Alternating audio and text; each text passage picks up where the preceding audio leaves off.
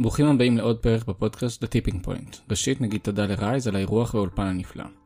האורחת בפרק הזה היא אפרת פלינגסון, ה-VP marketing של חברת אירובוטיקס. אפרת היא לא אשת שיווק טריוויאלית, היא בכלל התחילה מתוכנה ובין היתר השתתפה בפיתוח של משחק המחשב בובספוג. לאחר מכן עברה לתכשיטים ואופנה ואז התאהבה בשיווק, ומשם הדרך להייטק הייתה קצרה. הטיפים של אפרת נגעו בעיקר לתחילת הדרך של מחלקת השיווק בחברה. מהו הזמן הנכון להקים אותה, איך מקימים, את מי לגייס, ממה מתחילים את מחקר השוק, ומה הדברים הראשונים שצריך לעשות. אפרת נתנה גם טיפים על חיי היומיום של מחלקת השיווק, איך יוצרים תוכן ואילו סוגי תוכן קיימים, כמה ממנו חושפים, איך מנהלים את הלקוחות הפוטנציאליים, ואיזה קובץ צריך להיות פתוח מהיום הראשון ולהתעדכן כל הזמן. האזנה נעימה.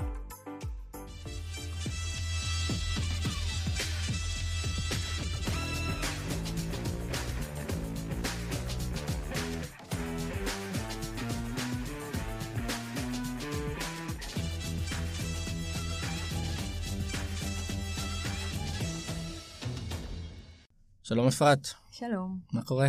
מצוין. את אשת השיווק הראשונה בפודקאסט. הכבוד הוא לי. מזל טוב. תודה. אה, אז מזל טוב על, אה, על אשת השיווק הראשונה בפודקאסט, ואנחנו... אני יכולה להוסיף את הטייטל הזה כן, בלינקדאין שלי? בלינקדאין, תרשמי. אה, אשת השיווק הראשונה בפודקאסט של גלעד. לגמרי, אני, אני אפילו אכתוב לך endorsement על זה. לאן הידרדרנו. מה שלומך? טוב, העליתי אותך לאמצע תל אביב באמצע היום, נכון. ולא הגעת באיזה מסוק, אז אה, לא הגעתי אז אכלת את כל לרחפן. הפקקים. כן. זהו, אז באמת, אולי תספרי לנו קצת על רחפנים, ולמה לא הגעת ברחפן באמת? באמת, למה? אה, אני שומרת את זה ל-VIPs של החברה. אה, אוקיי. אני בחורה צנועה, אני עדיין ברכב. אה, יפה. אה, אז מי את? מי אני? טוב, כן. אני... אני אימא לאיתן, שהוא בן שמונה וחצי, וואו, עולה לכיתה ד' והוא ענק. יואו. כן, ואני אני חד-הורית, אני מגדלת אותו לבד, אה, ההורים שלי מאוד עוזרים לי, ואני אה, קרייריסטית די מטורפת. כן, אה, אני סמנכ"לית שיווק באירובוטיקס, נכון. וזה אחד הסטארט-אפים המעניינים. אני לא יודע אם זה כן. כבר סטארט-אפ, נכון? הופך להיות, זה הופכת להיות חברה גדולה, אבל היא רק בת שלוש וחצי שנים, אז היא לגמרי סטארט-אפ. בכל מיני מובנים היא סטארט-אפ, אבל היא סטארט-אפ שגודל. אני קוראת. לו סטארט-אפ על סטרואידים. אתם בצמיחה, כאילו, מאוד. 200 איש? כמה אתם כבר? 250 כמעט. בשלוש שנים. כן. היו היו לי פה יזמים למיניהם, שבע שנים בסטארט-אפ, 40 איש. כאילו, כן, נכון. זה גודל מאוד מהר, זה גם מתרחב גיאוגרפית מאוד מהר, וכמות הדיסציפלינות המקצועיות שאנחנו פותחים הן מאוד רחבות, והכסף, והלקוחות, והכל קורה נורא נורא מהר. כן. אז מה שקורה ביום עבודה אחד של רובוטיקס, אני מקבילה אותו לשבוע, או לפעמים חודש של עבודה בחברות שעבדתי בהן פעם. יואו, זה כן. הזוי. כן, אז ואף פעם לא משעמם, כי ברגע שמשהו נגמר, מיד מתחיל משהו חדש, ו... כן. והלחץ מתחיל שוב, וההייפ מתחיל שוב. כן, אז אה, הגדילה מרגישים אותה בכל המובנים. טוב, אולי אני אביא גם אה, מישהו מכם על אה, איך, אה, איך מצמיחים סטארט-אפ בשלוש שנים ל-250 איש, כי זה גם נראה לי... זו שיחה מאוד מאוד מעניינת, כן. ואולי קובי הסמנכ"ל משאבי אנוש וה-DNA שלנו יכול לדבר על זה, זה מאוד מאוד מרתק. קיבלתם פרק לעוד כמה שבועות. גדול. אז אני, אני התחלתי אה, בצבא, הייתי במשרד הביטחון, אה, עבדתי שם גם כמה חודשים בתור אזרחית אחרי הצבא, וקיבלתי זימון להגיע לקבל מלגה מטעם ליבי. הקרן לחיילים משוחררים, מי היה מאמין. שהיא פועלת בכלל. הם באו ואמרו לי, אה, יש לנו מלגה לכל מיני חיילים מצטיינים אה, ללמוד מחשבים. ואמרתי, מה אני ומחשבים? אני ביולוגיה, אוהבת לרקוד, מחול וזה, מה עכשיו מחשבים? לא למדתי מחשבים בבית. ספר. אמרו, לא, לא, נראה לנו שיש לך פרופיל אה, מתאים, בואי תעשי כמה מבחנים, ואם את עוברת אז אה, קבל את המלגה הזאת. אותי מדליק, הלכתי, עשיתי מבחנים, עברתי וקיבלתי מלגה ללמוד במכללת סלע ברמת גן, אה, תכנות מחשבים. ולמדתי בלי הפסקה, דחסתי שם קורסים של, אה, של שווה ערך לשנתיים אקדמאיות תוך שנה וחודשיים. יש לך איזה קטע כזה של... של לעשות דברים. הכל ב... כן, אני, כשאני מחליטה שאני עושה משהו, אז אני עושה אותו מהר ועד הסוף, בלי להסתכל אחורה, בדרך כלל. אה, ו- והלכתי ללמוד מחשבים, וזה היה מעניין, זה היה לא קל, ולא כמו שום דבר אחר שהכרתי קודם, וכשסיימתי ללמוד, אז הם אמרו לי, יש לנו גם אפשרות לעשות uh, סוג של חילופי סטודנטים עם אוניברסיטה באוסטרליה, במלבורן. את רוצה ללכת ללמוד שם? ברור. ויצאנו קבוצה של איזה 20 איש, והלכנו ללמוד במונש, במלבורן. Okay. אוקיי. ועשינו שנה שלישית של התואר, והתחלתי גם לעבוד באוניברסיטה בתור מתרגלת. אה, ומהר מאוד שסיימתי את השני סמסטרים האלה, זה היה יחסית קל. אה, אז אה, הגשתי בקשה ל-permanent resident, זה כמו green card, כן, באוסטרליה. זה היה, למי שלמד אז מחשבים, זה היה מאוד קל. ובאמת קיבלתי PR. וכאילו דברים כאלה שבארץ זה כן. כזה, מה? רק ללמוד מחשבים? כן, כל בן אדם שני, ושם זה כזה עוף מוזר. לגמרי. בן אדם שיודע מחשבים, בוא נשאיר אותו בארץ. ועוד בחורה. כן. זה בכלל. מאיפה זה הגיע? כן, אז, אז בגיל 22, בשנת 2002, היה לי תואר ראשון במדעי המחשב, ו... והיה לי פרמננט רזידנסי באוסטרליה. שנה, ומשהו לפני זה, שנתיים לפני זה עוד הייתי חייבת. כן. אז זה היה התחלה מאוד מעניינת למסע שלי. ואז התחלתי לעבוד בתור מתכנתת, היו לי שתי עבודות ראשונות קטנות כאלה, אחת בארץ ואחת באוסטרליה. והעבודה השלישית המשמעותית יותר שלי הייתה בסטודיו למשחקי וידאו במלבורן. ושם אה, תכנתתי משחקים באקסבוקס, פלייסטיישן, נינטנדו, כן, PSP. מה, מה תכנתת? משהו שהם מכירים? כן, בטח, עשיתי את בובספוג. ספונג'בוב סקוורפנס, זה היה אהוב עליי, עשיתי אותו גם על נינטנדו וגם על PSP, ובסוני, בפלייסטיישן עשיתי משחק אה, אופנועים וטרקטורונים, מאוד מרגש. מלא בוץ ו... נורא ואיום, אבל את האמת שעבדתי על הסאונד, על האודיו של המשחק, וזה היה... זה היה תחום חדש שלמדתי, זה היה מאוד מעניין. תכנתתי ב-C++, ומלא אנשים לא יודעים, חושבים שאני שיווק שיווק, אבל יש לי רקע טכנולוגי מאוד חזק, אז uh, בעצם הייתי בעולם הזה של תכנות ומחשבים במשך שש שנים בערך, עד שהחלטתי שזהו. הבנתי שכאילו, נכון, זה, טכנולוגיה זה מרתק ואני מאוד אוהבת, אבל אני לא בנויה לשבת מול המחשב, אני והקוד. יפה שלקח לך שש שנים להבין. לא, לימודים שלוש שנים כמעט, ושלוש שנים עבודה. נתתי לזה צ'אנס, אתה יודע, בכל זאת ההורים כן. שילמו, ו... צריך פה להצדיק מה סתם עשיתי תואר ואני לא אנסה. והמדינה נתן לך אזרחות. והמדינה וליבי וכל הרגשות אשם, מה אני צריכה את זה למצפון שלי? אז, אה, אז כן, באמת אמרתי די. ואמרתי, אוקיי, אז אני יודעת שמה שאני רוצה צריך להיות קשור לטכנולוגיה איכשהו, אבל אני גם רוצה מאוד אה, להיות בצד השני של הביזנס, ואין מצב שאני חוזרת עכשיו לאוניברסיטה ועושה תואר במנהל עסקים. אני לא בנויה לחזור שוב ללמוד. אז רגע, היית עדיין באוסטרליה? הייתי באוסטרליה, גרתי אוקיי. שם שבע שנים בסך הכל. ו... ואמרתי, אוקיי, אני לא אלמד באוניברסיטה, אבל אני אלמד את עצמי את מה שאני צריכה לדעת כדי להמשיך הלאה בעולם הזה. אז uh, פתחתי עסק, והיה לי עסק לתכשיטים ואופנה במלבורן. היו לי uh, שתי חנויות, ו... ושם באמת זה היה הבית ספר שלי, ללמוד על רכש ועל פיננסים ועל uh, גיוס עובדים ועל, uh, כמובן, על שיווק. מכירות, ועל שיווק, וזה, שם באמת התחלתי להתאהב בעולם הזה, וגם התחלתי להיות מעצבת תכשיטים, אבל זה לא קשור בכלל. יש משהו שלא עשית בחיים. ואז אה, אחרי איזה שנתיים בערך, החלטתי שאני חוזרת חזרה ארצה. אה, חזרתי ארצה, ו... וגם התחלתי אה, חנות, ראיתי שאתה עבדת באי-ביי, הייתה לי חנות באי-ביי, אז ב-2005 בערך, 2004-2005, והייתה לי חנות יחסית מצליחה ממלבורן. חשבתי שאני הולכת למכור רק באוסטרליה, אבל זה פתח את עצמו והתחלתי למכור גדול. לכל העולם, גם את התכשיטים שהיו לי וגם אה, סחורה של בגדים שהייתי קונה מכל המרצ'נטס הסינים באוסטרליה. זה היה מאוד מצחיק, ו- ושם למדתי המון על e-commerce, וכשמכרתי את העסק של אוסטרליה וחזרתי לארץ, אז uh, המשכתי את האי-ביי מהארץ. אתה יכול להמשיך את זה מכל מקום. כן. אבל זה היה הרבה יותר קשה לעשות את זה מהארץ בגלל המכס בארץ, ולהביא סחורה לארץ, mm. ואלוהים ישמור. ו- ואמרתי שכאילו זה, אין לי כוח להתעסקויות האלה. נשמע כמו משהו פחות כיף. כן, ומשום מה איכשהו באוסטרליה דברים נורא פשוטים, ובישראל הם מאוד מסובכים. בטוח שזה... שיחה אחרת לגמרי. אחרת לגמרי. בכל אופן, אמ, זהו, אז בארץ מצאתי את עצמי עובדת עבור מכון הייצוא הישראלי. זה נשמע מאוד לא סקסי, ואפילו יש אנשים שאני מספרת להם את זה והם צוחקים כשאני אומרת להם את זה, אבל למעשה מכון הייצוא הוא מקום אה, אחלה, וזה מאוד תלוי באנשים ש, שמובילים את הפעילות שלו. יש שם אנשים מצוינים ויוצאים משם אנשים מצוינים.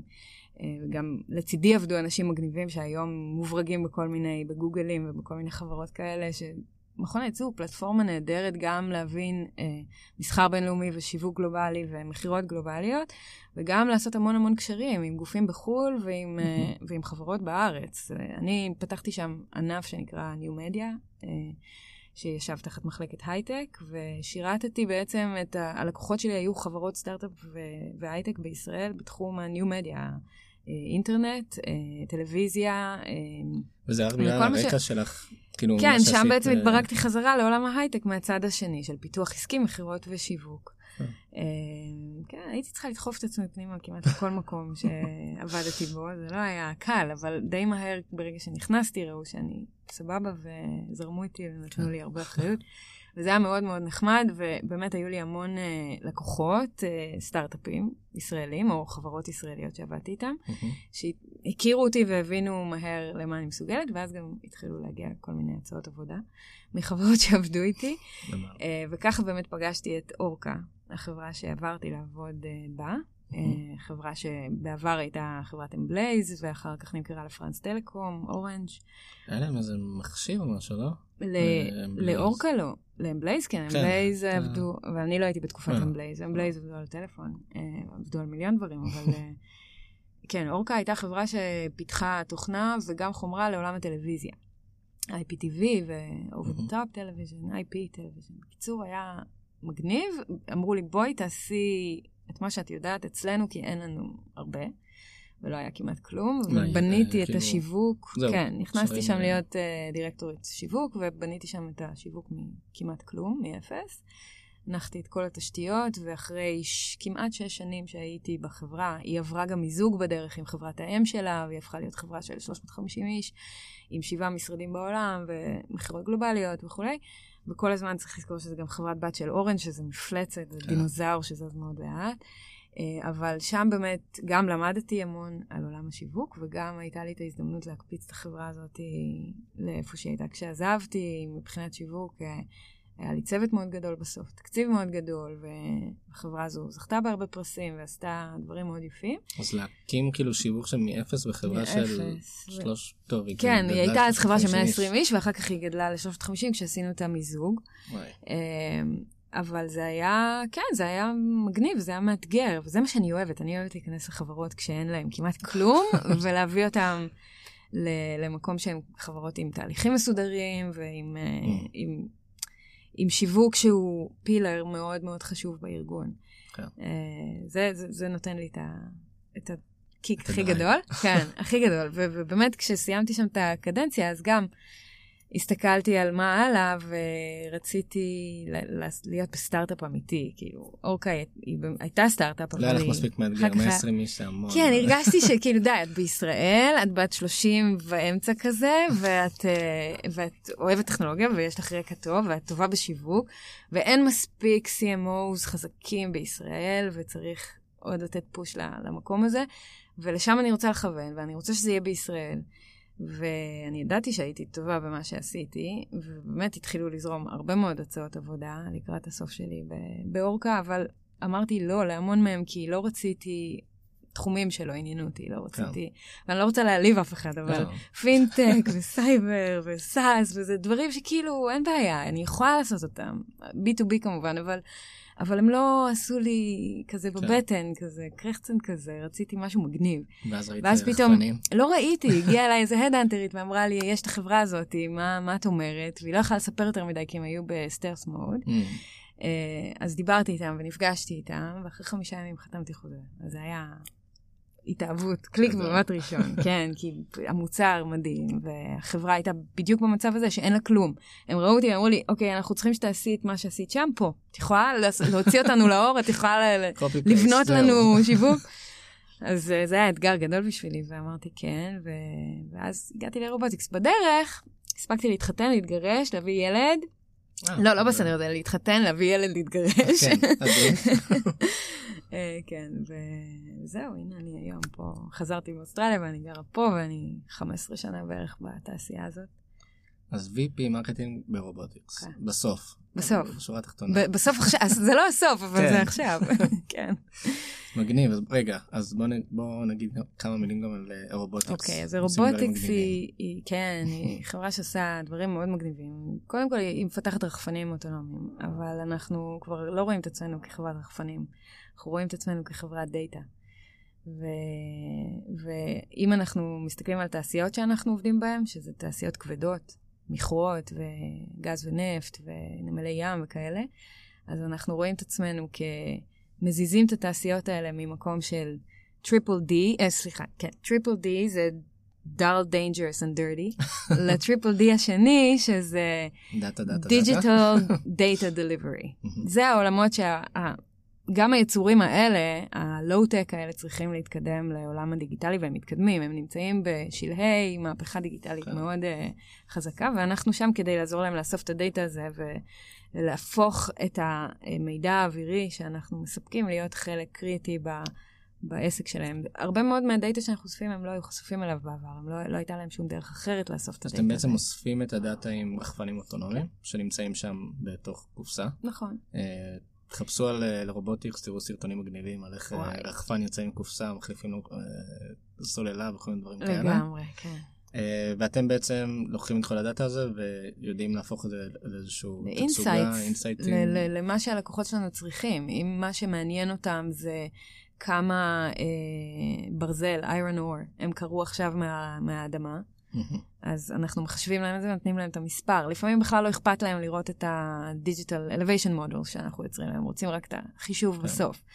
אני צריך לזכור שזו תעשייה מאוד כבדה, כאילו, מעבר לזה שהכל שם כבד אה, מכנית, זו תעשייה שכאילו הולך, חופר באיזשהו אה, מכרה, שם במשאית, מסיע את המשאית, כאילו 5,000 קילומטר משם, כאילו דברים כאלה שהיום...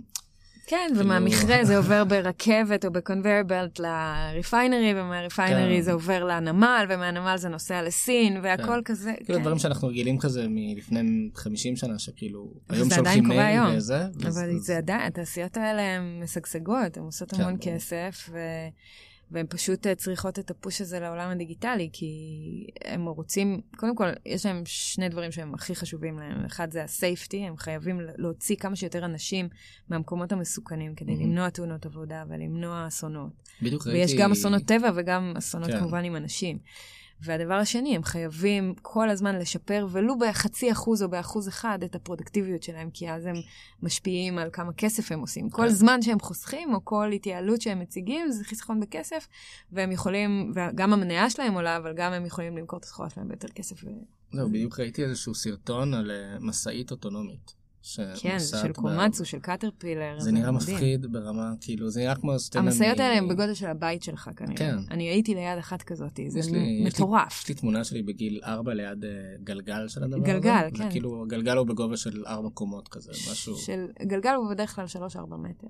כן, משהו הזיה. 3 מטר, כן. משהו כזה. אז, אז לראות את הדבר הזה נוסע לבד. אז אנחנו טסים מעל הדברים המשוגעים האלה. ועושים אה, אה, בדיקות תחזוקה לכביש שהם נוסעים עליו, כי במכרה, תחשוב על זה, אין אספלט, הם עושים כבישי גישה, סל, לא סלולים, והמשאיות האלה, שחייבות להמשיך לנסוע קונטיניוסלי, במיוחד האוטונומיות, 24 שעות ביממה הן נוסעות, כן. כדי להביא את המחצבים אל המקום הבא. אם הן מפסיקות לרגע, זה משמעות של מאות אלפי דולרים למכרה.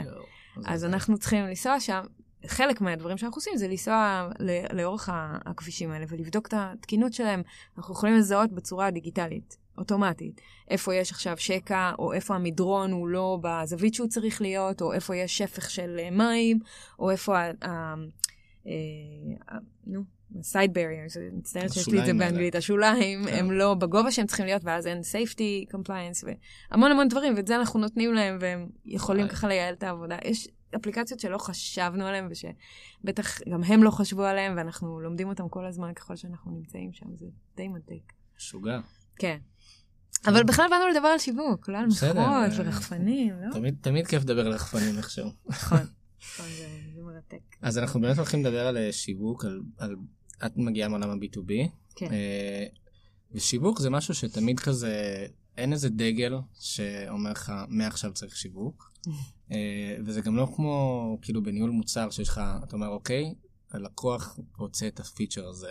העולם של ניהול מוצר ופיתוח הוא כאילו עולם שהוא יחסית טכני, אתה כאילו מתחיל לפתח משהו, ואתה מוציא אותו, ואז אתה נותן אותו ללקוח ואתה רואה מה הוא עושה. ושיווק זה משהו שהוא כאילו, לא יודע, תמיד נשמע כזה vague י כזה, אתה לא יודע מתי עושים אותו, אתה לא יודע מה בדיוק ה action item ים שם. אז יש לי חדשות בשבילך. אז יש לי חדשות בשבילך. בתור מישהי שתכנתה. נכון, הייתי בצד האפל, כן. בצד השני, אבל יש לי חדשות בשבילך. אין לו עוד, אני לא יכול לכתוב if. אין, לא. את האמת שאפשר לעשות את זה מאוד מדעי. אבל הנה העניין, שיווק עושים בכל רגע נתון של העסק. למה? כי אתה משווק את העסק שלך מהרגע שאתה מתחיל לכתוב את האות קוד הראשונה. אתה קודם כל משווק את זה לאשתך כדי שתיתן לך לעבוד, או לבעלך, או לשותפך או שותפך. כן. ואז אתה משווק את זה לעובד הראשון שאתה רוצה לגייס, ואז אתה צריך כל הזמן לשווק את זה לעובדים שעובדים אצלך, אחרת הם לא כן. ירצו להמשיך לעבוד אצלך, ואז אתה משווק את זה למשקיעים, ואז אתה משווק את זה, לא יודע, תחשוב, כאילו, אתה כל הזמן עוסק בשיווק, אתה רק לא מבין. השיווק שאתה קורא לו שיווק, הוא בעצם כשאתה מחליט שאתה רוצה את הלקוחות הראשונים שלך, mm-hmm. או שאתה רוצה לגייס עוד כסף ואתה עושה את השיווק עבור משקיעים. אז uh, שם פתאום אתה חושב שזה אחרת, אבל זה לא, זה אותו דבר. Uh, בעצם העקרונות הם אותם עקרונות, ויש פשוט אנשים שנורא אוהבים לעשות שיווק, ואז הם עושים את זה בצורה טבעית, וטוב תמיד לגייס אי שיווק טוב לסטארט-אפ בזמן מאוד, uh, מאוד מסוים. שנכון לסטארט-אפ, וזה נכון שזה לא אחד התפקידים שמגייסים אותו ראשון, כן. כשפותחים סטארט-אפ, וזה בסדר, כי, כי באמת כדאי שיהיה משהו להראות. כשאתה הולך ומשווק את זה החוצה ללקוח הראשון שלך. עם זאת, אפשר להתחיל בשלבים מאוד מוקדמים, וכשאנחנו מדברים על B2B, ובטח ובטח כשאנחנו מדברים גם על סטארט-אפים של חומרה, אז יש אה, אה, חשיבות מאוד מאוד גדולה ל- ל- למצוא את ה design partners הראשונים שהם יכולים להיות לקוחות אחר כך, אבל בהתחלה אתה באמת מתייחס אליהם כ design partners. מה אתה אומר ב design partners? אתה רוצה ש... לגייס אליך מישהו שהוא יכול להיות אה, לקוח שלך בעתיד, mm-hmm.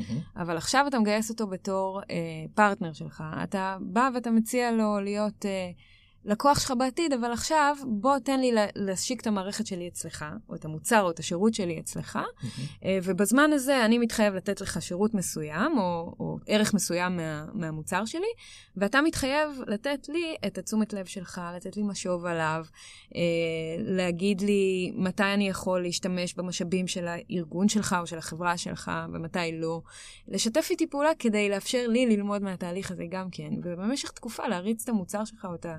או את השירות שלך כן. אצל, אצל אותו דיזיין פרטנר, כדי שתוכל ללמוד יחד איתו. המצב האידא, האידיאלי זה שבאמת תוכל אחר כך לגייס אותו כלקוח ולהמשיך איתך. ואני יכולה לתת את הדוגמה שאצלנו, נגיד עם אינטל, בקריית גת, זה היה המצב, הם היו אחד הלקוחות הראשונים שלנו, והם באמת היו design partner. אה, ניר קליין הוא הסמנכ"ל אה, אה, אבטחה שלהם באינטל, והוא לקח אותנו בתור באמת פתרון, עוד שהוא היה ממש ב... לפני שתי גרסאות של המוצר, הוא היה ממש בהתחלה שלו. הוא אמר, יאללה, אני, אני יודע שאני רוצה להטמיע רחפנים פה באבטחה של אינטל, אני עוד יודע שזה לא המוצר הסופי, ואני יודע שיש לכם אה, אה, דרך לעשות, אני מוכן לעשות אתכם את הדרך הזאת. כן. ואנחנו עד היום עובדים באינטל, ועם הלקוח הראשון, ואנחנו עובדים שם יום-יום. מדהים, אה, איך... כן. אה... טוב. אז, אז כאילו, זה, ברמת השיווק, אפשר להתחיל עם זה גם מוקדם, זה גם שיווק. כן. כאילו, אמנם זה מאוד ממוקד, ואתה הולך למישהו אחד ואתה מוכר לו את הרעיון הזה, ואתה לא בהכרח הולך לעשות על זה עכשיו את הקופה שלך, אבל אתה, אתה לגמרי מוצא מישהו שאחר כך יכול ללוות אותך לאורך הדרך, הוא גם יכול להיות רפרנס שלך אחר כך, או לתת לך את האנדורסמנט הזה. אבל דווקא בגלל מה שאמרת, שכאילו, אתה עושה שיווק כל הזמן, כאילו. מהרגע שאתה צריך לשכנע את אה, בן בת זוגך, בן זוגך, כן. אה, למה, למה שייתן לך את הזמן אה, לעבוד על משהו שנשמע איזוטרי? נכון. דווקא בגלל שכאילו, כולם עושים את זה מ-day one, קשה להגיד שיש איזשהו דגל שאומר, אוקיי, מפה והלאה אנחנו צריכים שיווק. נכון, ועדיין אפשר לנסות למתוח את הקו הזה כשיש prototype. אוקיי, okay, לפני, ש... כשאתה רק בשלב הרעיון, אז באמת אתה עוסק בשיווק של הרעיון שלך כדי למצוא פרטנר, ש... או founder כן. נוסף, או מפתחים, או דברים כאלה, אבל ברגע שכבר יש לך prototype של המוצר, אז אתה כבר יכול להתחיל להסתכל על שיווק. זה לא אומר שאתה תתחיל לשווק, Mm-hmm. זה אומר שאתה אולי תביא את הבן אדם, כי, כי איש שיווק טוב צריך לעשות עבודה מקדימה לפני שהוא יוצא החוצה לשוק. Mm-hmm. הוא צריך ללמוד את השוק שלך, הוא צריך לחקור את זה בשבילך. הוא צריך לדעת להסתכל על שווקים מסוימים, על ורטיקלים מסוימים, ולהגיד, אוקיי, המוצר שלך מתאים, במיוחד אם אתה, אם אתה סטארט-אפ ואתה פותר איזושהי בעיה, נכון? הרבה סטארט-אפים עונים על איזושהי שאלה, או פותרים איזושהי בעיה, כן. אז יש להם בראש כבר רעיונות ל- למי הם יכולים לפתור את הבעיה הזאת. אז אותו איש שיווק צריך לבוא ולעזור לך להבין אם באמת אתה פותר לאותו פלח שוק את הבעיה, ואיך הבעיה הזאת נראית אצלו, ומה הכאבים שלה, ו- ויש המון המון דברים שאיש שיווק טוב צריך לעשות בתחילת הדרך, כדי לאפיין את מה שנקרא ICP, Ideal Customer Profile. מהמם. מי, ה, מי הלקוח האידיאלי שלך, ואז מתוך הדבר הזה נגזרות הרבה מאוד משמעויות. כאילו, אתה ברגע שאפיינת, ברגע שהבנת את הוורטיקלים שלך ואת השוק שלך, ועשית מחקרים, והמחקרים האלה לפעמים יכולים לקחת חודשים, כי אתה לומד על שוק חדש שאתה לא מכיר. אם כן. אתה סטארט-אפיסט, סביר להניח שאתה, אה, יש לך רקע טכנולוגי, או שאתה ישראלי שלמד, לא יודעת איפה, בטכניון או ווטאבר, ואתה... אה, ואתה לא בהכרח מכיר את שוק המכרות, אז כדאי לך כן. להתחיל ללמוד. אז זה לוקח זמן, ואז אתה צריך להבין, אה, כתבתי לי פה איזה צטלה, אני תמיד כותבת צטלה, רגע. אה, אז אתה צריך להבין מי משתמש, ב, ב, מי עשוי להשתמש בפתרון שלך, ואיך הוא ישתמש בו, ובאיזה תדירות הוא ישתמש בו. והאם הוא משתמש לשלם, היום, לא? מה? גם כמה הוא מוכן לשלם. כמה הוא מוכן לשלם, איך הוא משלם היום, והאם הוא משתמש היום במשהו אלטרנטיבי למוצר שלך, משהו אחר שפותר לו את הבעיה הזאת. אז אתה הולך להחליף כאילו משהו, אתה מבין, יש כן. אולי כבר פתרון כלשהו, ואתה הולך... למ- למה לא להחליף? כן, למה לא להחליף? מה היתרונות בלעבוד איתך ולא עם מה שהוא עושה היום, בדרך שבה הוא עושה את זה היום? כן. אה, אתה מקצר לו זמן, אתה חוסך לו כסף, אתה לא יודעת מה... אתה חוסך לו את זה שהמשאיות שלו לא זזות. לדוגמה, כן. אבל, אוקיי. אבל זה כן, זה, בש- זה... יש הרבה שאלות שצריך לענות עליהן בשלב הזה. אז המחקר שוק פה הוא, הוא חלק קריטי, ואיש שיווק טוב צריך לדעת לעשות מחקר שוק ולהסתכל על הלקוחות האידיאליים, להסתכל על התעשיות האידיאליות, אה, לפלח אותם כמו שצריך, לנסות אפילו להבין איזה פונקציות בתוך הארגונים שאתה תכוון אליהם, יהיו אלה שבסוף ייתנו את האוקיי, או אלה שימליצו, מי מי יהיה ה-decision maker. כן. ולמפות איזשהו ארגון, ואז אני תמיד אוהבת להתחיל מזה שאני לוקחת אה, חברה אחת, או ארגון אחד בתור case study. אני רוצה להצליח עם אחד, והצלחתי עם אחד, אני מנסה לשכפל את זה. בכלל זה הדרך עבודה שלי בכל דבר שאני עושה. גם, לפני שאני מעבירה דברים לצוות שלי, אני תמיד אוהבת לנסות אותם בעצמי, כאילו להעביר משימות לצוות שלי. כן. אני רוצה לנסות, אני רוצה לדעת איך עושים את זה. אני לא אוהבת לתת לאנשים לעשות דברים שאני לא יודעת על מה אני מדברת. כאילו, ואני חושבת שזה נכון גם לחברה, אבל. כאילו, לבנות איזשהו מוצר, או להקים סטארט-אפ ולהגיד, אני הולך לפתור בעיה מסוימת בלי שניסית לדבר עם מישהו מהתעשייה הזאת, כן. או ללמוד אותה כמו שצריך, זה, זה להיות חצי עיוור. לגמרי. אז זה צריך... גם טעות של אה, מישהו שמתאהב במוצר שלו, ואז הוא, הוא רוצה שאחרים גם יאהבו אותו, והוא פחות רוצה לשמוע למה לא אוהבים אותו. ואני חושבת כן. שדיברנו על אה, אה, דניאל מהומרן, שאמר שהרבה חברות ישראליות אה, מדברות על האיך ולא על המה. זאת אומרת, הן מדברות על איך הן עושות את המוצר, ומה כן. יש להן בתוך המוצר, ונגיד, יש לי רחפן, אז הוא טס במהירות כזאת, והוא יכול לעשות את זה, והוא זה וזה, אבל תכלס, זה לא מעניין את החברות אה, מכרות שאני עובדת איתן, אותן כן. מעניין. כמה כסף את יכולה לחסוך לי בסוף היום, והאם את מייעלת לי את האופרציה. אם על זה אני אשים את הפוקוס, ובפגישה עם החברת מכרות אני אראה להם את התוצרים של המוצר שלי, ואסביר להם איך התוצר הזה חסך לחברה אחרת 100 אלף דולר או 300 אלף דולר בתקופה כזו או בתקופה כזו, הם יעופו על זה, כי זה מה שמעניין אותם. מבחינתם, שלא יהיה לי רחפן, שיהיה לי כדור בדולח ואני אסתכל בו, ואני אדע כן. לקרוא את העתיד, ואני אגיד להם מה הנפח uh, של הערימת מחצבים. זה לא מעניין אותם שזה רחפן עושה את זה. ברור. אז לא הכלי שלי הוא, שלכם. הוא enabler, כן, הדאטה הוא מה שמשנה פה, ואז בשביל זה צריך ללמוד, איש שיווק טוב צריך לדעת לזקק את, ה, את, ה, את המה. מה אני בעצם נותן ללקוח שלי. אז בואי באמת נשים את הדגש על זה, גם כי יצא לך להקים אה, ארגוני שיווק, גם אה, אה, ברובוטיקס וגם באורקה. כשרוצים להקים ארגון שיווק, כן. הבן אדם, איש שיווק הראשון ש, ש, שאת רוצה שיצטרף לצוות. אה, זו שאלה שאני נשאלת הרבה ואני אוהבת אותה, כי מעולה. התשובה שלי היא בדרך כלל לא מה שמצפים לשמוע. רוב, ה- היום רוב, זה טרנדי נורא להגיד, אה, אני מגייס דאטה אנליסט, או... כן, research analyst, או כן. IT person, לא יודעת, כאילו טכנולוגיה. Data scientist. סבבה, ברור שטכנולוגיות של שיווק הן חשובות, אבל אני מגייסת תמיד מעצב, מעצבת. יש לי היום מעצבת מחוננת שקוראים לה עופרי צבי, והיא תשמע את זה, והיא תסמיק כשהיא תשמע את זה, אבל היא בחורה מדהימה, אבל זה התפקיד הראשון שאני מגייסת. למה? כי אם אני איש שיווק טוב בעצמי, ואני הראשונה שנקראתי לדגל עבור המיזם שלי, אז אני אמורה לדעת לשים את ה-foundations, את היסודות במקום, וזה אומר להתקין אה, marketing automation system, ואולי CRM הראשון של החברה, ולדעת לפתח את ה-ideal customer profile, ולעשות את כל העבודה התשתיתית הזאת של השיווק. mm-hmm. ואני צריכה להביא מישהו שיודע לעשות מה שאני לא יודעת לעשות, וזה לעצב, והוא יעזור לי לקחת את המותג שלי שבניתי, ואם לא בניתי, אז מעצב יכול לעשות גם את זה, למרות שמיתוג זה פרק אחר כן, לגמרי. היה לי פה את... אבל אה, כן, יש... כן, מעיין פרוין שהוא הקים את אוסם, אם את מכירה אותם. כן. אה, אז כן, דיבר על מיתוג, כן, עולם אחר זה לא מה. שאנשים חושבים, זה לא מעצב שעושה לוגו. כן. אבל מותג זה דבר הרבה יותר, אה, כן. הרבה יותר עמוק ממה שישראלים חושבים שמיתוג הוא. כן, אבל אה, בסדר, זו שיחה אחרת. בקיצור, אבל המעצב יכול בעצם לבנות את הפנים, את הקרום והגידים של החברה הזאת שאתה בונה, את הסטארט-אפ הזה שאתה בונה.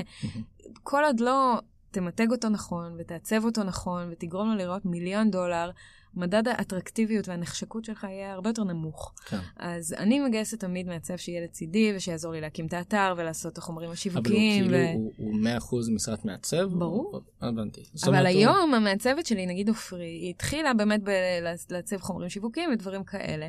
היום היא גם מעצבת את המשרדים עצמם. זאת Mm. אומרת, אה, בנינו עכשיו אה, משרד חדש, היא עיצבה את כל הקירות ועשתה דלפק קבלה, והיא מתעסקת גם בעיצוב אה, החלל. מישהו שהוא לא חי רק- ונושם. והיא לא באה מהתחום הזה, אבל אנחנו דוחפים אותה לכל המקומות, והיא עושה מלא סוגים של עיצובים. היא היום הולכת ומסתכלת על המוצר עצמו, על התחנה ועל הרחפן, ואומרת, למה, למה הלוגו נמצא פה, ולמה התחנה ממותגת ככה, ולמה זה, והצבע הוא לא, זה לא הפנטון הנכון, וזה לא ה... בקיצור, זה, כן, מעצב יש לו ערך מוסף אדיר, במיוחד שהוא גודל עם החברה. זה, כמובן שהיא מעורבת גם ב-UX של התוכנה שלנו. אז זה מאוד מאוד חשוב להביא, אה, להביא מעצב בשלבים מוקדמים. זה מה שאני הייתי מגייסת ראשונה. זה מה שאני עושה. אה, אה, לספר לך עוד קצת על דברים שאני חושבת שצריכים שיקרו בהתחלה? one. כן. כי כי נראה לי שזה ה... זה מעניין אנשים, אתה חושב? כן, זה נראה לי האתגר הגדול של איך אתה מתחיל עם זה כאילו עכשיו אתה רוצה איש שיווק הבנו הבנו שצריך כן. מה אתה מה אתה מבקש ממנו מה הוא צריך לעשות מתי זה גדל אוקיי, אז סבבה. אז דיברנו על המחקר, ועל כמה זה חשוב לעשות את החלק הזה, את התקופה הזאת של המחקר, להבין את השווקים הוורטיקליים, הלקוחות, אה, ולנסות למצוא איזשהו design partner. זה דברים שהם באמת מקדימים כאלה. ואז התשתיות, להתקין מיד מערכת CRM ומערכת marketing automation, גם אם אתה קטן, וגם אם אתה B2B, נכון, אתה לא B2C, לא יהיה לך מאות אלפי לקוחות, אבל מספיק שיהיו לך 100, אתה כבר לא תמצא את הידיים והרגליים, כן. אה, זאת אומרת, לא לקוחות, אלא contact people, אוקיי? לא תמצא את הידיים ואת הרגליים, אז... ואתה רוצה לדעת להשתמש בדאטה הזה לטובתך. אז לפתח את כל מה שנקרא owned media. בעולם השיווק יש uh, הבדלה בין שלושה uh, סוגים של media, יש owned media, earned media ו-paid media. אוקיי אז ה-owned media זה כל מה שהוא שלך. Uh, האתר הוא שלך. ה database של, ה- של האנשים שבאים איתך בקשר ונרשמים לניוזלטר שלך הוא שלך. ה social media הוא שלך, הלינקדאין, הפייסבוק, אה, הכרטיסי ביקור שאתה מקבל הם שלך. בקיצור, כל מה שהוא שלך, זה. ה-owned media. כמובן ש-earned media זה כל מה שצד שלישי אומר עליך, שזה הכי valuable, שזה כן. עיתונאים ואנליסטים ולקוחות שמדברים עליך. זה earned media, אתה הרווחת את זה, זה מדהים כאילו. כן. ו-paid media זה מה שאתה שם עליו כסף ו- ואתה מרוויח אותו, קונה לידים, כן. אוקיי? עושה PPC קמפיינס ודברים כאלה. אז בעצם צריך לנהל את כל אחד מהם מן הסתם בצורה שונה. בשיווק תמיד רצוי לעשות מיקס ולעשות הכל מהכל, אבל ברור שבשלבים הראשונים קשה יותר לה- להוציא כסף על דברים, או כן. לעשות דברים יותר מאתגרים, ולכן אני תמיד ממליצה להתחיל עם ה-owned media, תתחיל עם מה ששלך, ואתה חייב לבנות אותו, שזה האתר שלך, וזה החומרים השיווקיים שלך, וזה ה marketing automation שלך, שיכיל את ה database של הלקוחות שלך. לי היום ברובוטיקס יש אה, בערך 12 אלף אה, אנשי קשר ב-CRM. וזה איך, איך אורגני? לחלוטין, כאילו לא. קניתי אף פעם רשימה ולא עשיתי איזה PPC קמפיין שהביא לי כמויות של לידים. איך מנהלים את זה? יש מערכות כן, שמנהלות את זה. אתה שם, בשביל. זה צריך את התשתית הזו ב-day one. כאילו לא להתחיל, לא להשיק חברה החוצה, לפני שיש לך את, ה- את ה marketing automation ואת ה-CRM שיתפסו את הליד הזה שנכנס. ואז בתוך המערכת אתה חייב לדעת לבנות אותה ככה שהיא אה, מקטלגת את האנשים, באיזה תעשייה הם, באיזה. באיזה סייר סייקל הם כן. נמצאים עכשיו, מה הסטטוס שלהם, אה, באיזה גיאוגרפיה הם, ואז אחר כך תוכל לעשות פילוחים ולדבר ולעשות כל מיני דברים עם, ה, עם הלידים שיש לך. אז זה שלב ראשון. ואז אתר, באתר שלך, אה, זה נורא חשוב לבנות אתר שהוא מאוד אטרקטיבי מבחינת התוכן שיש בו, ושבוא נגיד ככה, בערך 50-50 יחס, אפילו 60-40 אחוז, מהתוכן יהיה חשוף ופאבליק מהמם. באתר, ו-40 אחוז יהיה גייטד מאחורי פורמס ודברים כאלה. זה יחסית הרבה תוכן, כן, למה, אבל מה... זה מעולה. למה? כי אז יש לך באתר שלך מלא הזדמנויות, מלא פיתיונות לאנשים להשאיר את הפרטים שלהם. מהמם. ואנשי שיווק, אה, בוא נגיד, נתחיל מזה שמישהו הוא לא איש שיווק, וגם אנשי שיווק מתחילים לפעמים נורא נורא מפחדים לשאול הרבה שאלות. מישהו אונליין, כאילו לתת לו form מאוד ארוך, או mm-hmm. לתת כן. לו לענות על דברים, כי הם אומרים, אה, אולי אבזבז את הזמן שלו, יש לו attention span קצר, כן, ובלה בלה בלה. אה, כן, אתה זה. גם ב product, אז אתה אמור להבין בזה. מפחד לשאול את היוזרים שלי שאלות. אבל זה לא נכון. אם יש לך תוכן טוב. ואם מדד האטרקטיביות שלך הוא גבוה, ויש לך מותג חזק, ואתה בונה את המותג שלך חזק לאורך זמן, אז אסור לפחד לשאול הרבה שאלות, ואסור, ו- ואתה צריך להתייחס לתוכן שלך כהדבר הכי אטרקטיבי בעולם. אם מישהו רוצה אותו, he should answer that question. mm-hmm. אחרת הוא, he's not worthy of my content. כן. אוקיי? ו- ותסתכל, אם תיכנסו לאתר של רובוטיקס, תראו שרוב הטפסים באתר שלנו הם יחסית ארוכים, במיוחד ה contact us, בעמוד של וואלה. הקונטקטס, והקונטקטס הוא זה שמביא לנו הכי הרבה לידים. גדול. זה מדהים, ואנשים כותבים לנו מגילות בדף הזה של מה, אבל- הקונטקטס. את רוצה להגיד לי שאשכרה מנהל של חברת חציבה, אה, כלשהי קריאה. כאילו כן, אשכרה הרבה יושב אנשים ועושה? יכול, בטח, הם, מה זה, אשכרה יושבים, למה, אתה לא מסתכל בגוגל? מה אתה חושב לא, שהוא שונה אני- ממך? לא, סבבה, אבל כאילו, קודם כל הוא באיזה חור בלי קליטה. לא נכון, הוא עובד בפרס באוסטרליה, מה טוב, חור בלי קליטה? לא, הייתי ממש. לא, הוא גם גולש בגוגל בדיוק כמוני וכמוך. פעם היחידה שיצא לי להיות באתר קריאה זה שבטעות עברתי שם באיזה ניווט. זה היה פחד אלוהים. אוקיי. אני אה, מבינה מה התפיסה שלך, אבל תשקול שהיא מוטעית, ועם זאת, אנשים היום מחפשים הכל בגוגל, גם אנשי אה, מכרות. הם נכנסים לגוגל וכותבים אה, drones for mining, או שהם. כותבים אה, automated drones, או שהם כותבים אה, drones for inspection, או drones for surveying. ואני נמצאת על המילות חיפוש האלה, ואני עושה SEO, וזה מוכיח את עצמו בצורה מדהימה. אם מותר לי לתת אה, מחמאה ל-K-Logic שעובדים איתי ועושים עבודה תן, ניתן מחמאה. מעולה. כן. Uh, בקיצור, אז האתר צריך להיות כזה שיש בו הרבה תוכן שהוא גייטד, ואנשים ימלאו את הטפסים, ואני אתן עוד טיפ. אם אתם רואים שאנשים לא ממלאים את הטפסים, או שהם מגיעים לדפים והם עוזבים, ו- ואין לכם conversion rate גבוה לטפסים שלכם, אז אז תקטינו את השאלות. כן. סבבה? אבל תנסו הרבה. בטח. ברור. ומה זה, מה, למה את מתכוונת שאת אומרת שיש לנו תוכן שהוא gated? זאת אומרת, את אומרת, את אומרת, מגניב. כתוב לך אז יש- באתר כאילו, כן, אז יש תראה לי את נגיד... המצגת, לא, תעניין אה. שאלה קודם. לא, זה לא ככה, זה נגיד, יש לי דפים על התעשיות שאני פונה אליהן. נגיד, יש אוקיי. לי בתוך האתר של Airobotics דף של mining ושל oil and gas ושל seaport ושל industrial facilities. וכל דף כזה, יש בו מידע על מה הרחפן יכול לעשות בכל אחת מהתעשיות האלה. ויש שם גם דוגמאות ל-applications, לאיזה use cases הרחפן יכול לתת בכל אחת מהתעשיות. נגיד ב-mining יש שורה של אפליקציות. אז כשאתה רוצה לקרוא יותר על, uh, על אפליקציה מסוימת, אתה לוחץ ואתה מגיע לדף על האפליקציה הזאת. יש שם so much you can read, כאילו אין שם המון טקסט. אז מה שיש שם בסוף זה הזמנה להוריד mining paper, שאתה יכול להרחיב את הקריאה על Mm. כל אחת מהאפליקציות האלה, מגניב. ומישהו באמת ב-vertical הנכון, והוא ב-mining, והוא כבר הגיע לעמוד הזה, והוא קורא עכשיו על אה, נגיד מדידות ב-mining, אז הוא לגמרי גם targeted uh, audience, אז סביר להניח שהוא ירצה להרחיב ולקרוא איך בדיוק אני יכולה לעשות את זה בשבילו. ואז הוא מוריד את זה וקורא. כן. או שמי שרוצה להשקיע בנו נכנס ו- ורואה שיש company profile, Mm. ובאתר אין לי את ה-company profile הזה. אני לא שמה תוכן duplicated, אני שמה תוכן שלא קיים באתר, ב- בהורדות שלי. כן. אז uh, הוא יכול לגשת לזה. נגיד, כל הווידאוים כמובן חשופים, אני לא משאירה שום דבר gated. כן. אז צריך שיהיה ratio בין משהו gated ומשהו לא gated.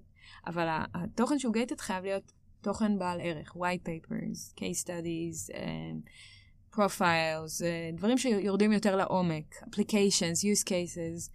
יש כאלה ששמים את זה חופשי בחינם, אתה יכול פשוט להוריד את זה מהאתר שלהם, ו... אבל אז אתה, את אומרת, אז אתה בעצם מאבד... אה, אתה מאבד, אתה לא יודע. מי שם, כן. לא, יפה. כן, אמ, אז זה הגישה שלי. ואז גם הסושיאל מדיה, זה חשוב לפתח, כי דיברנו על כן, ה-owned זה מדיה. הפך להיות, אבל כאילו, אני, תדברי על זה, פליז דו, כי זה הפך להיות כאילו, פעם כזה אמרו, לא האמינו בזה, ואמרו, אה, הפרינט אף פעם לא ימות ודברים כאלה, והיום כאילו, לא יודע, 90 אחוז מה, מה, מ- מהשיווק זה, ב, זה בסושיאל, או לא יודע, מספרים דומים. אני לא יודעת אם 90, אין מצב סתם של אמרתי 90. מספר שמעת.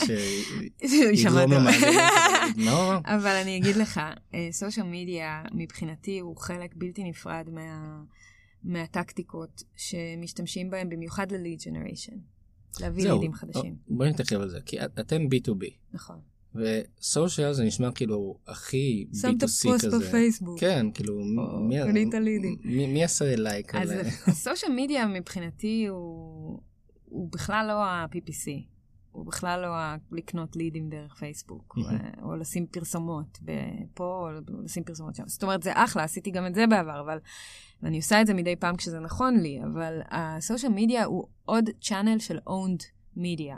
דרך הסושיאל מדיה אתה יכול לפתח לעצמך קהילה, בדיוק כמו שאמרתי לך, ב-HubSpot שלי יש 12,000 contacts, בלינקדאין שלי יש 8,000 אנשי קשר. מהמם. בפייסבוק שלי אני מחבר, מחוברת עם 2,000, אבל עם הזמן הפייסבוק הופך להיות גם יותר מקצועי, שלא בטוח שאני כן. אוהבת את זה, וגם זה שיחה הוא נפרדת. גם אבל- רוצה שכאילו... אבל לטוויטר שלי יש 4,000 בוסטים עוקבים, כאלה. וכאילו, גם ל-Airobotics 4,000 עוקבים, בלינקדאין 4,000 עוקבים. זה, זה כבר כמויות, ל-B2B זה כמויות יפות. אז כל פוסט שאנחנו שמים מעורר engagement. אז זה, זה social media sharing, posting, סבבה? אבל- זה קל, אבל יש הרבה מעבר לזה. את רואה בממש מדיה- כאילו conversion מ-social media? ברור, כאילו, כן, זה- זה זה ברור, קורה? בטח, בעיקר בלינקדאין. מהמם. עבורי, לינקדאין עבורי הוא channel uh, של lead generation מאוד מאוד חזק. הרבה מאוד מהקמפיינים שאנחנו עושים, לפני תערוכות, או לפני uh, אירועים, או אפילו קמפיינים ממוקדים, שעכשיו אנחנו מחליטים שאנחנו רוצים להיכנס לשוק יעד חדש, אנחנו עושים קמפיין ממוקד לאותה מדינה, ומוצאים שם לקוחות כן. פוטנציאליים, ופונים אליהם דרך לינקדאין, ויש לי ממש פרוסס שלם לאיך עושים את זה. הצוות שלי מורגל, בדיוק עכשיו הגעתי מישיבת צוות, הם יודעים איך אנחנו עושים את זה, זאת אומרת, יש לזה פרוסס. מתחילים ב... לגלות לכם את הסודות שלי? דברי, נו. אז נגיד, אז כמובן אנחנו קודם ממפים, מגיעים לשוק, מגיעים לוורטיקל שאנחנו רוצים, ואז אנחנו מתחילים לחקור את החברות. ואתה חייב לבנות לעצמך TAM, Total Addressable Market. מה ה-TAM שלי? למי אני פונה בתוך, נגיד סתם דוגמא, בוא ניקח את uh, צרפת, uh, אני רוצה את שוק המכרות בצרפת עכשיו, אוקיי? אוקיי. אז בתוך שוק המכרות בצרפת, מי החברות? מהמם. ממפה את החברות, ואז מסתכל, אתה צריך לבנות לעצמך את הטעם שעובד לך. לדוגמה, אצלי, מחברה שיש לה אה, אה, production volume מאוד מאוד גבוה, מהמם. זה אומר שהיא יותר פעילה. מחברה שיש לה הרבה מאוד אתרים, מחברה שפועלת במזג אוויר שאני יכולה לעבוד בו, מחברה ש... בקיצור, הרבה מאוד מאפיינים ושאלות שאני עונה עליהם בזמן הבנייה של הטעם. מהמם. וברגע שהגעתי לרשימה הזאת, אני לוקחת את הרשימה ומתחילה לפרק כל אה, חברה כזאת לגורמים, מי הם האנשים בכל חברה. ואז אני משקיעה זמן ועושה מיפוי, מפינג, של אותם אנשים בכל, בכל חברה. ואני כן. מחפשת טייטלים מסוימים, ושם, את זה אני כמובן מוצאת בלינקדאין, כן. או במקומות אחרים. אבל נגיד 70-80 אחוז אני יכולה למצוא היום בלינקדאין. כי היום כמעט לכל אחד, גם בתעשיית המכירות, יש להם פרופילים אה, בלינקדאין. ואז את עושה לו פשוט approach... ואז אני עושה את זה בשלבים. קודם כל אני מציעה לו להתחבר עם איזושהי הודעה קצרה של שורה אחת. ואז אם הוא מקבל את ההזמנה שלי, אז אני שולחת לו הודעה ארוכה יותר, בדרך כלל גם עם תוכן להורדה או עם וידאו. ואז אם הוא עונה לי, אז אני מתחילה engagement איתו, ואני מנסה לשמור כל הזמן על התשובות שלי ועל הדיאלוג הזה מאוד קצר. לא להיכנס שם, לשלוח לו פתאום זהו, אה, דברים להגיד לך. ארוכים. בדרך כלל, כאילו, ההודעה השנייה מאנשים כאלה, במרכאות, זה כאילו עכשיו איזושהי מגילה, כן, שהיא מאוד גנרית, ואין לך כוח לקרוא כן. אותה, וכאילו, אתה אומר כאילו, יאללה, מה הוא רוצה ממני, וכאילו, כן, גם ב-HR חוטאים בזה. קיבלתי לא מזמן כן. הצעה מאיזה HRית בסטארט-אפ, שרצתה לשאול אותי אם אני רוצה לעבוד בסטארט-אפ הזה, והיא כתבה לי איזה copy-paste הודעה, שהיא שולחת כנראה לכולם, והיא אמרה לי... אה, היי דנה, לא, היא אמרה את השם הנכון, או אפילו היא אמרה היי, בלי השם, אבל איפה שהיא טעתה זה בלהגיד לי, ואנחנו מחפשים אה, דירקטור שיווק, ונראה לי, את, נראה לי שאת מתאימה על סמך ה- ה- הקורות חיים שלך, ואני אומרת, את הסתכלת וראית שאני סמנכ"לית? כאילו, אני, אני לא מחפשת עכשיו, לב... ואנחנו סטארט-אפ של 20 איש ואנחנו מחפשים דירקטור.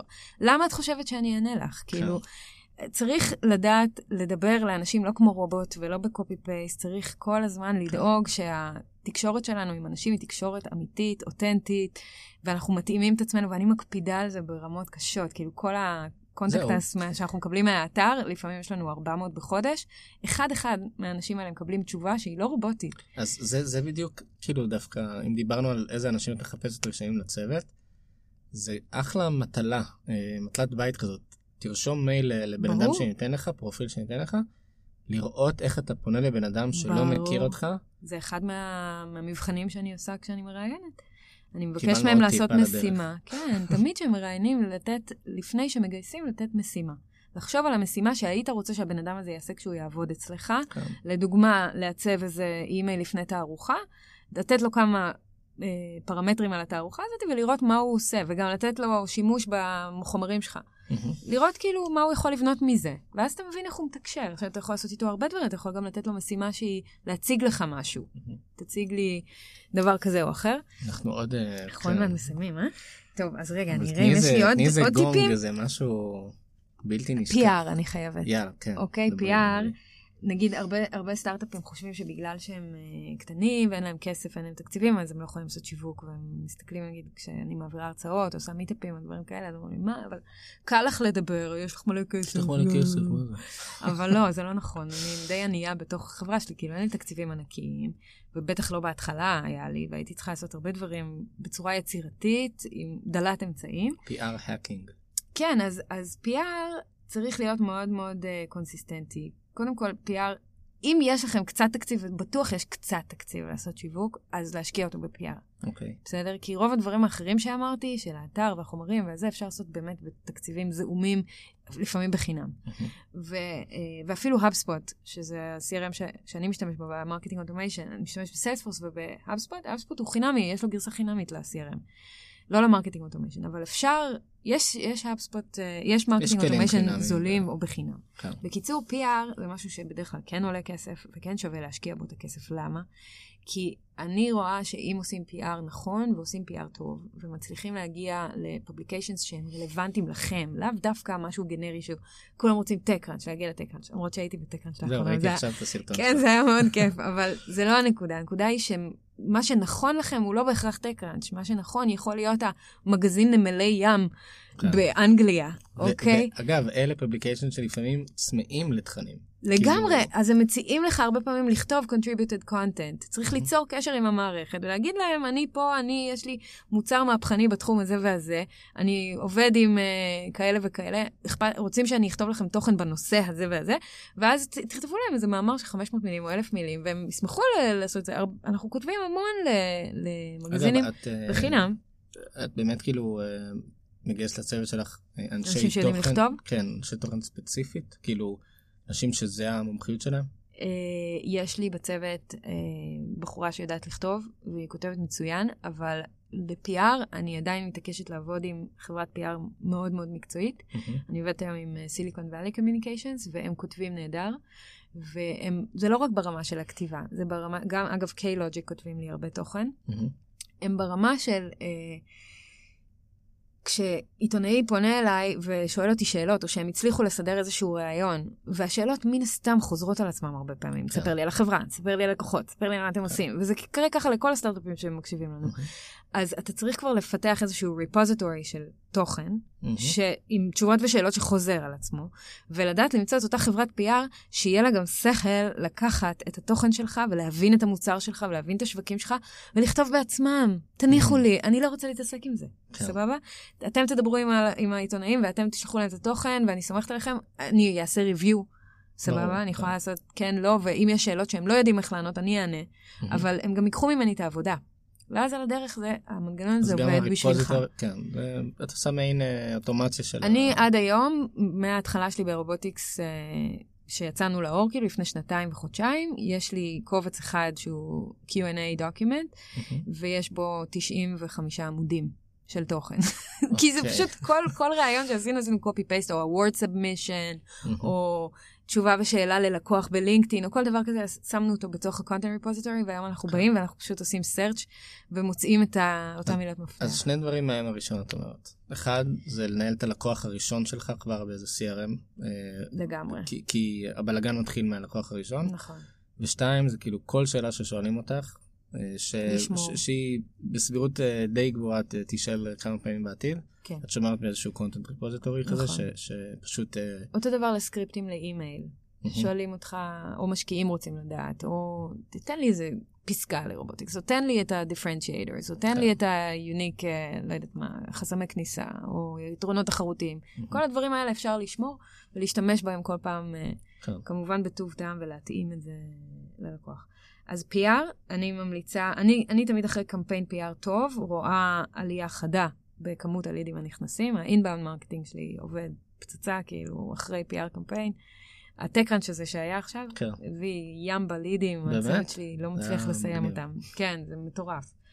ו- אגב, למרות שאתם חברת דאטה, נראה לי שגם מאוד סקסי תמיד להראות את הרחפן, כי זה משהו שאנשים נראה לי מאוד מתלהבים ממנו. ברור, זה, כי, מהבחינה כי הזו כל, הס, אנחנו... כל הסרטון בטקאנט זה כאילו הרחפן עולה, יורד, נכנס, נכון, מחליפים אנחנו וזה. לא מראים שם דאטה בכלל. כן. אתה צודק. את הדאטה אנחנו מראים בעיקר ללקוחות פוטנציאליים.